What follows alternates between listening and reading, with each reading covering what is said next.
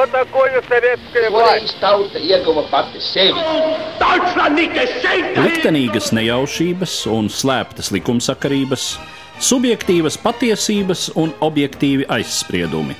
Pēc atpūšņa nekad nenāk uzreiz pavasars, bet sākās Arī šodien cilvēki ir ļoti tuvredzīgi. Viņi redz to naudu, kas ir Televīzijā jau pamatā notiek cīņa par varu.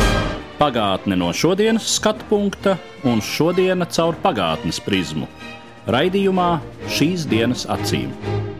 Katru svētdienu Latvijas radio eterā Eduards Liniņš. Labdien, cienījamie klausītāji!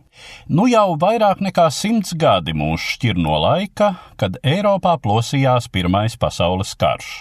Tas bija jauna veida karš, kas lielā mērā pārsteidza nesagatavotus gan militāristus, gan politiķus un sabiedrību kopumā.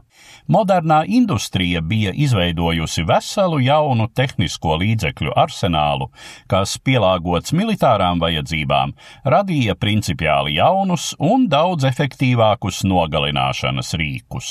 Par Pirmā pasaules kara novitātēm militārajā sfērā vēstīšu šodienas raidījumā, izmantojot fragmentus no raidījumu cikla pirms simts gadiem Eiropā, kas pirmoreiz izskanēja ēterā no 2014. līdz 2018. gadam.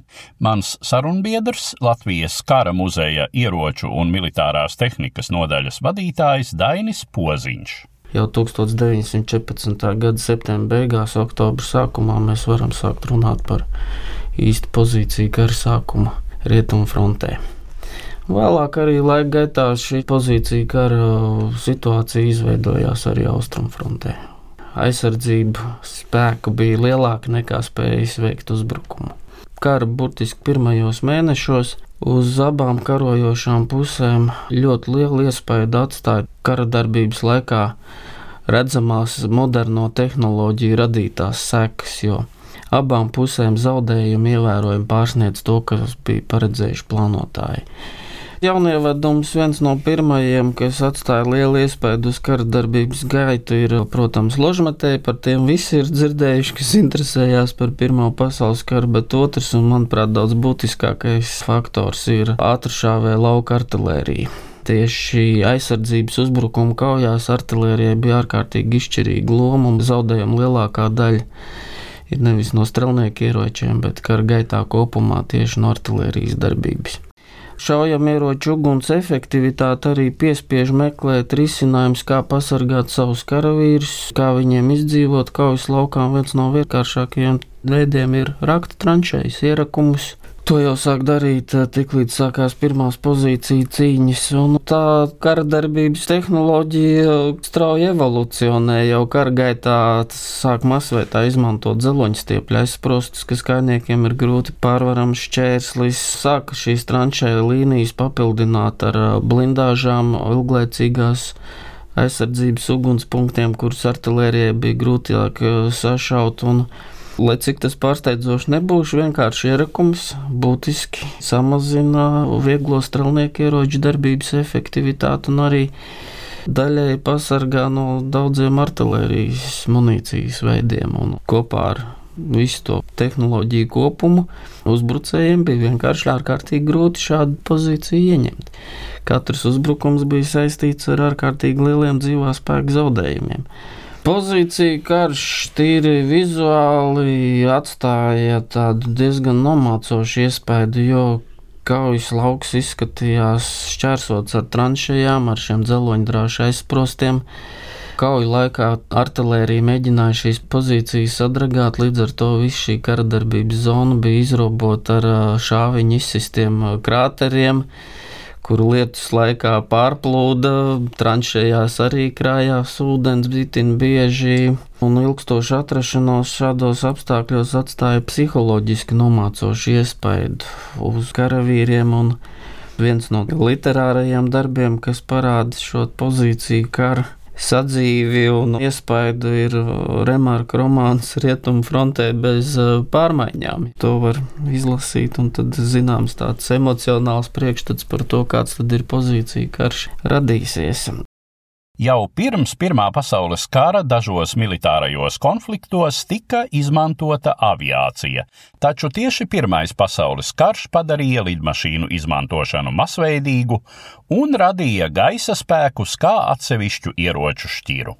Aviācijas vēsture patiešām Pirmam pasaules karam sākumam bija pavisam īsa. Tie ir faktiski nepilni 11 gadi kopš pirmā vadāmā lidmašīna ar iekšdedz dzinēju veica lidojumu Amerikas Savienotajās valstīs brāļraita konstruētais lidaparāts Flyer 1. Bet šajos īsajos pirmskara gados militārie teorētiķi, inženieri un arī paši lidotāji aviācijas pionieri ļoti ļoti ātri pamanīja šīs jaunās tehnoloģijas potenciālu militārajā jomā.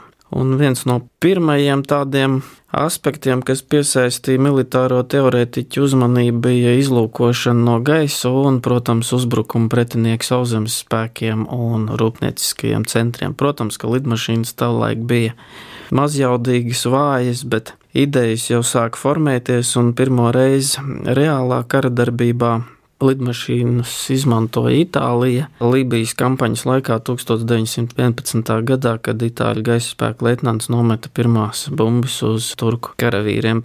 Pēc tam daži lidaparāti tika lietoti Balkānu kara laikā, kad uh, Bulgārija karoja pret uh, Turciju un citām valstīm. Tā kā faktiski jau sākoties Pirmajam pasaules karam visās lielākajās Eiropas valstīs bija izveidojies zināms tehniskais priekšstats, teorētiskā bāze par to, kā izmantot aviāciju kara darbībā. Un aviācija pierādīja savu nozīmību jau faktiski pirmajās, Pirmā pasaules kara konflikta nedēļās un mēnešos.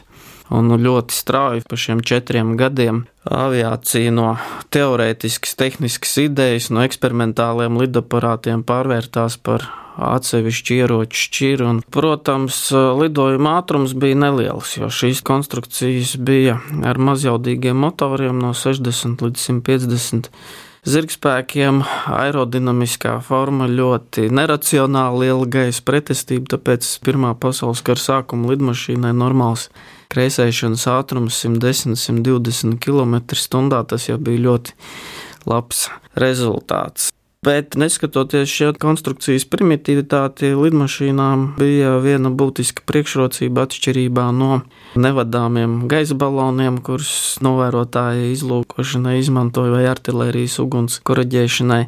Lidmašīnas bija pietiekami kustīgas, mobilas, tās varēja pārvietoties relatīvi ātri un novērot plašas teritorijas, un lidmašīnas bija krietni kompaktākas par dirižabļiem. Aviācija pirmajā kara mēnesī parādīja, ka lidotāji no augšas spēja pamanīt pretinieku pārvietošanās virzienus, karaspēka daudzumu, un, piemēram, 1914. gada augustā viens no iemesliem, kāpēc vācu kara plāns nebija gluži tik veiksmīgs, bija tas, ka britu piloti pamanīja vācu virzību un draudus savam britu ekspedīcijas korpusu flangam, un briti sāka atkāpšanos daudz ātrāk nekā tas būtu bijis izdevīgi. Vācijai un Vācijai būtībā neizdevās sakaut noteiktajās pozīcijās apmēram 100 tūkstošu britu karavīrus.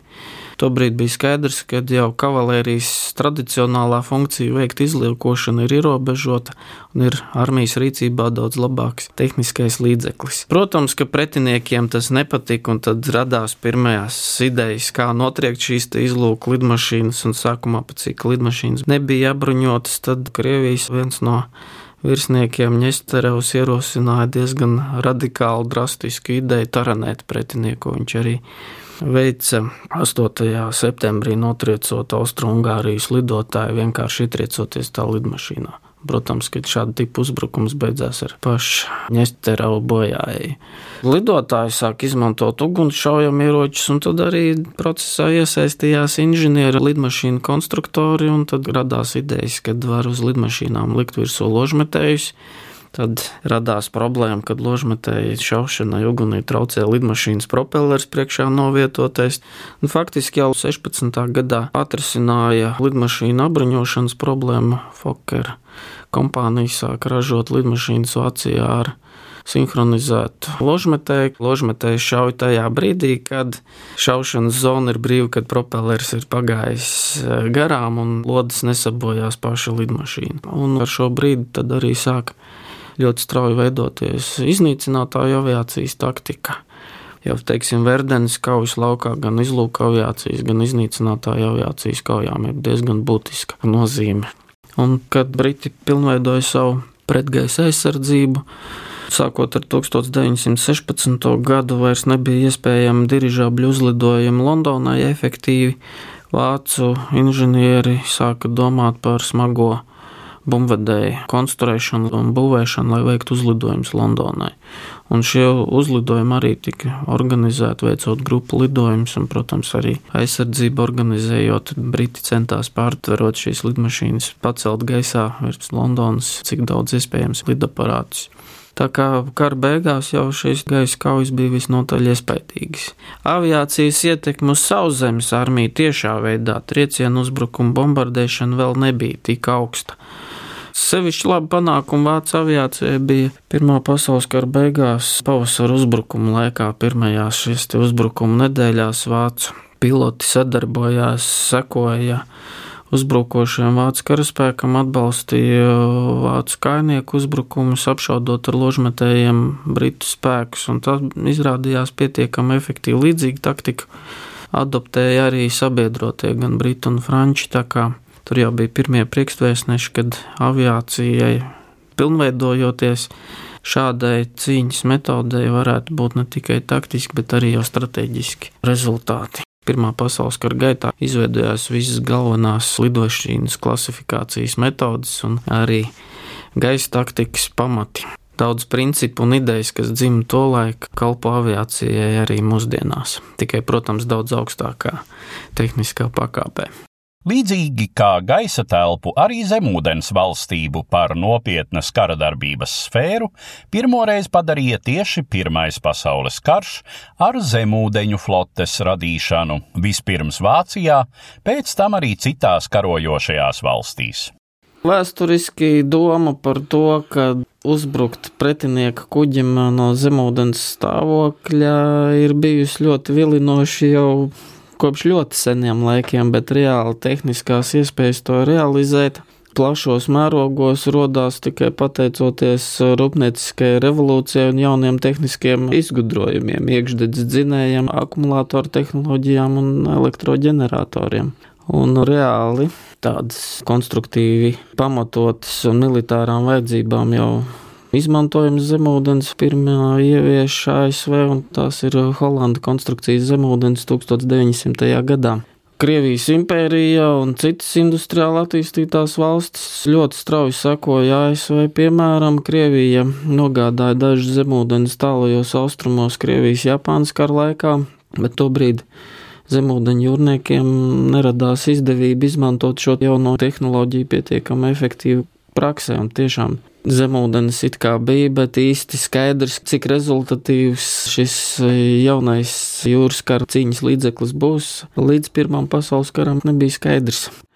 Pašā kara sākumā pretinieki jau centās izmantot jūras ceļus un komunikācijas kā kara darbības zonu. Lielbritānija sāk bloķēt Vācijas kuģniecību. Briti, kā sena jūras lielvalsts ar tradīcijām un ar diezgan skarbu militāro pieredzi, nekavējoties lika lietā savu kara flotas pārākumu, un Vācijas blokāda patiešām bija skarba. Tur tika pārtverti praktiski visi tirniecības kuģi. Gan Vācijas, gan neitrālo valstu, kas mēģināja nokļūt uz Vācijas ostām, un tas tika darīts bez jebkādām ceremonijām, un arī tiešām Briti nekautrējās minēt gan Vācijas, gan neitrālos ūdeņus, lai ierobežotu ne tikai kuģniecību, bet arī lai traucētu vācu kara flotes karu kuģu darbību, gan arī zemūdeņu darbību. Loģiski, kad atbildes pasākumus veic arī Vācija. Vācijai bija divi rīcības varianti, lai traucētu Lielbritānijas kuģniecību ar kolonijām. Tas ir reideri, jeb virsūdens kuģi, kurus jau bija saulēcīgi līdz Pirmā pasaules kara sākumam izsūtīti gan uz Indijas okeānu, gan uz Kluso okeānu, gan uz citām vietām.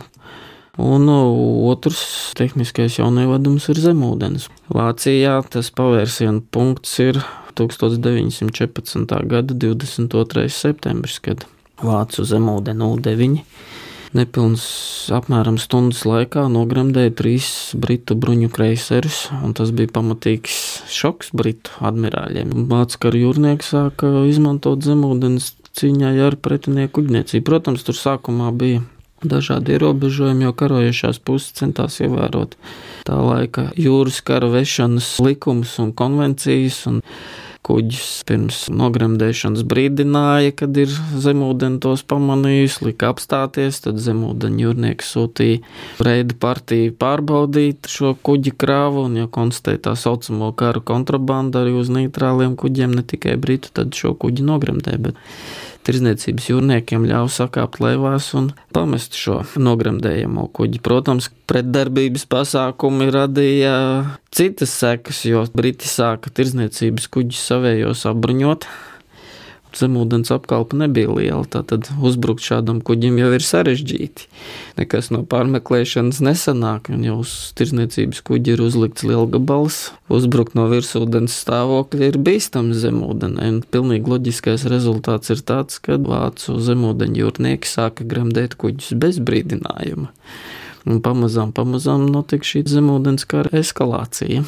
Karadarbība notika kāpumiem un kritumiem. Lielā mērā to iespaidoja diplomātu un politiķu vēlmes. Tā teikt, Vācijas dialogs ar Amerikas Savienotām valstīm ir brīdis 1916. gada pavasarī, kad reaģējot uz Amerikas spiedienu, Vācija samazina šo zemūdeņu karu intensitāti atjaunot šos noteikumus, ka tirzniecības kuģiem nedrīkst uzbrukt bez brīdinājuma.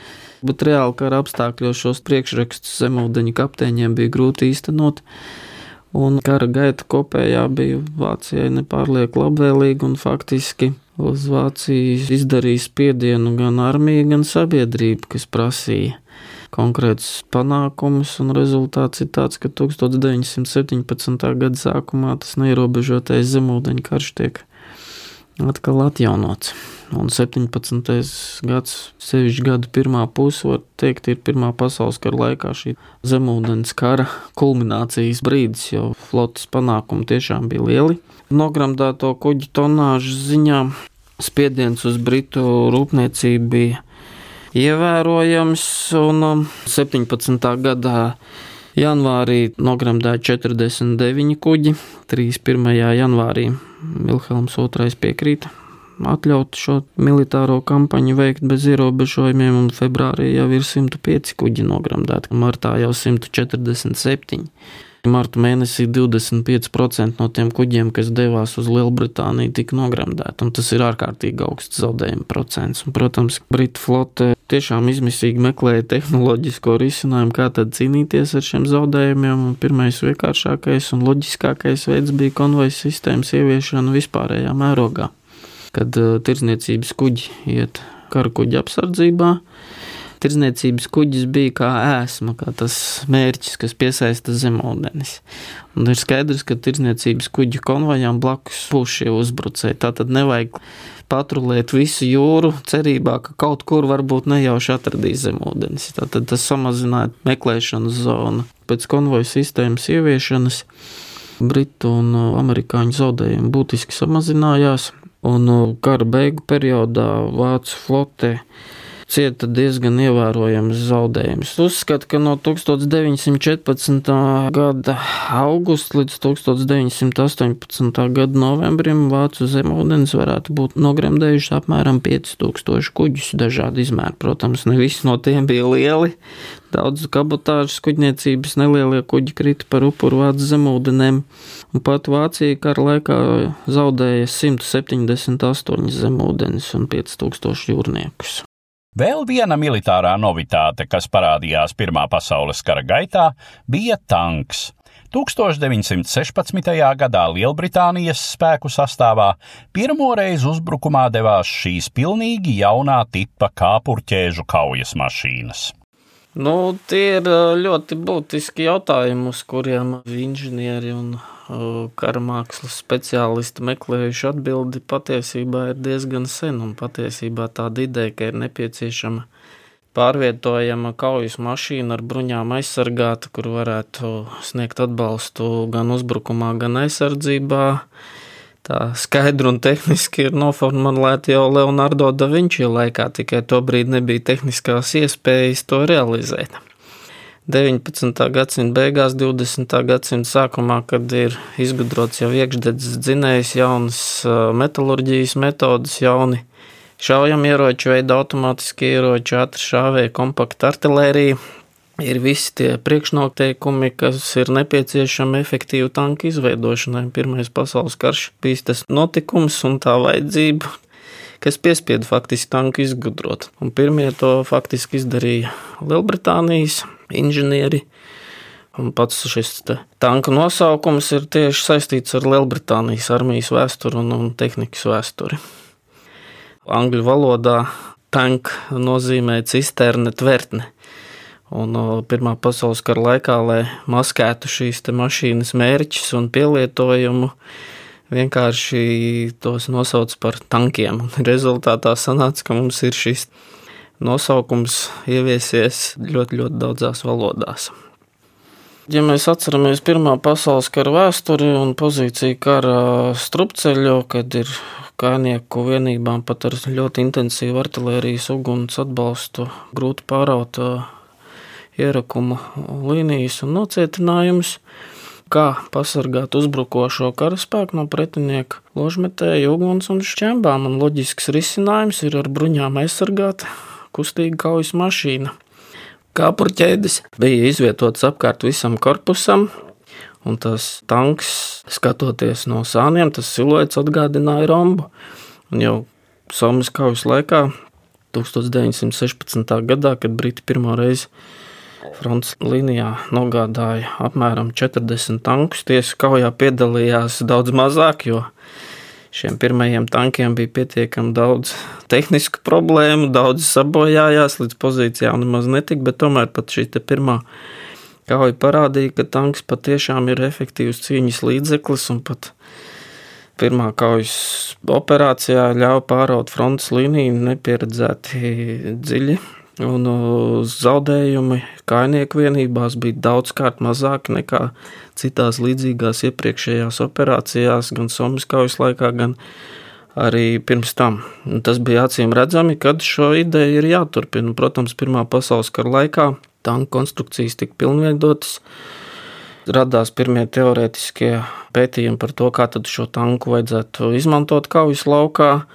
Un 1917. gadā pie Cambrēja kaujā tika sūtīti simtiem tanku. Un uh, šīs kaujas mašīnas patiešām atstāja iespēju uz Pirmā pasaules kara gaitu. Nākamā valsts, kas ļoti intensīvi strādāja pie tanka koncepcijas izveidošanas, bija Francija. Franču kompānija Renault radīja tanku Renault FT, kuram bija viss klasiskā tanka, mums pierastās tās īpatnības. Vadītājs mehāniķis tanka priekšgalā, tanka vidusdaļā. Kaujas nodalījums, un tanka centrā ir grozāms kaujas tornis ar lielgabalu vai ložmetēju. Šī Renault izstrādātā konstrukcija, šī koncepcija vairāk vai mazāk dzīvo un eksistē līdz mūsdienām. Un Franči arī ļoti lielā skaitā ražoja tankus, izmantoja tos intensīvi. Ķīmiskie ieroči. Arī tā bija jauna kara realitāte, ar kuru cilvēcei nācās iepazīties šai laikā. Vācu ķīmiķis Frits Habers ierosināja izmantot labi zināmas ķīmiskās elementus un vielas šīs problēmas risināšanai. Tātad 1915. gada sākumā Vācija aktīvi sāka veikt sagatavošanās darbus ķīmiskā kara vešanai. Īpra jau nebija pirmā vieta, kur Pirmā pasaules kara laikā izmantoja ķīmiskos ieročus. Vienkārši šī otrā īpras krauja kļuva nozīmīga ar to, ka tā bija pirmā vieta, kur to izdevās izdarīt pietiekami veiksmīgi. Un nu, pārliecinoši bija skaidrs, ka ķīmiskie ieroči ir patiešām efektīvs cīņas līdzeklis. Pirmā pasaules kara laikā ķīmiskos ieročus, kairinošās vielas, asargāzes pirmie sāka izmantot franču karavīri.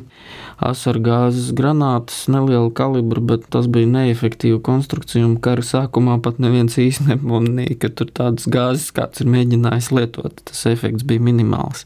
Savukārt Vācija 1915. gada janvārī mēģināja izmantot kairinošās ķīmiskās vielas konkrēti ksilu bromīdu pret Krievijas impērijas armiju pie Bolimovas. Tas ir īslaicīga epizode, artērijas šāviņos sapildīta ķīmiska viela, bet ziemas apstākļos neizveidojās šis aerosola mākonis, un arī artērijas uguns izrādījās neefektīva, un šī asars izraisošā viela neatstāja nekādu lielo iespēju uz Krievijas karaspēku. Faktiski šī kauja pie Bolīmovas bija viens no iemesliem, kāpēc Vācijas speciālisti izvēlējās izmantot gāzes balonus pie īpras, pirmajā brīdī šķita, ka artērija nebūs pietiekami efektīva. Kaut gan īstais neveiksmes iemesls izrādījās zemā temperatūra un konkrētiem apstākļiem nepiemērotais ķīmiskais savienojums.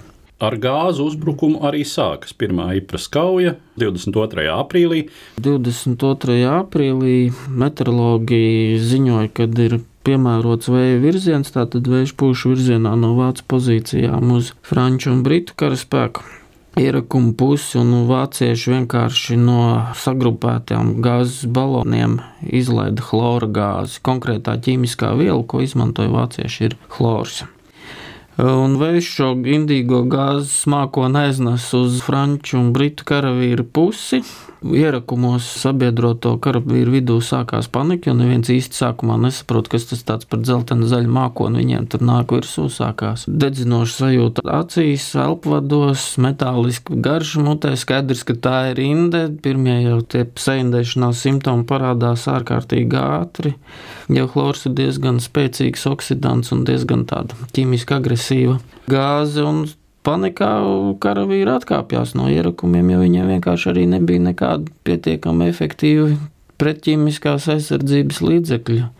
Jā, nu var piebilst, ka šī chlorīna gāze, tas galvenais efekts ir, ka tās savienojoties ar ūdeni veido sālskābi. Izdedzina plaušas, un ja lielā koncentrācijā cilvēks būtībā iet bojā no nosmakšanas. Un ietekme ir diezgan graujoša uz cilvēku organismu. Un otrs efekts, redzot, kad smagāk saindējušies biedri tā cieši, tas arī izraisa paniku. Karaspēka rindās daudz mēģinot glābties, vienkārši atkāpās no pozīcijām. Vācu karaspēks tobrīd gaisā izlaida apmēram 180 tonnas chlora gāzes, apmēram 6,6 no līdz 7 km platā frontes joslā. Un kopējais cietušo skaits dažādos militārās literatūras avotos ir mainīgs tas lielums, bet nu, uzskatu vidēji, ka šī uzbrukuma rezultātā cieta apmēram 15,000 sabiedroto karavīri, un vismaz 5 līdz 6 tūkstoši no viņiem saindēšanās rezultātā nomira. Bet uzbrukums jau nebija tik vienkārši arī pašai Vācu armijai, tāpēc, kad ieņemtā teritorija bija saindēta, vējš ir tāds diezgan nepastāvīgs lielums.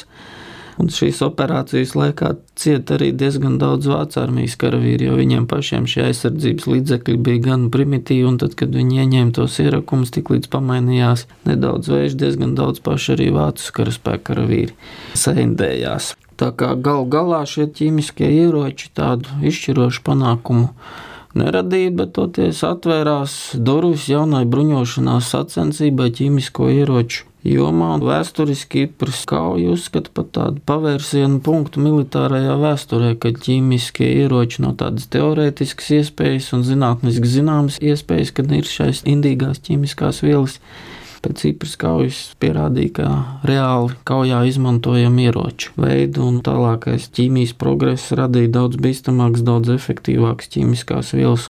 Karš tie vienmēr ir upuri, sakropļotas miesas un sadragāti likteņi.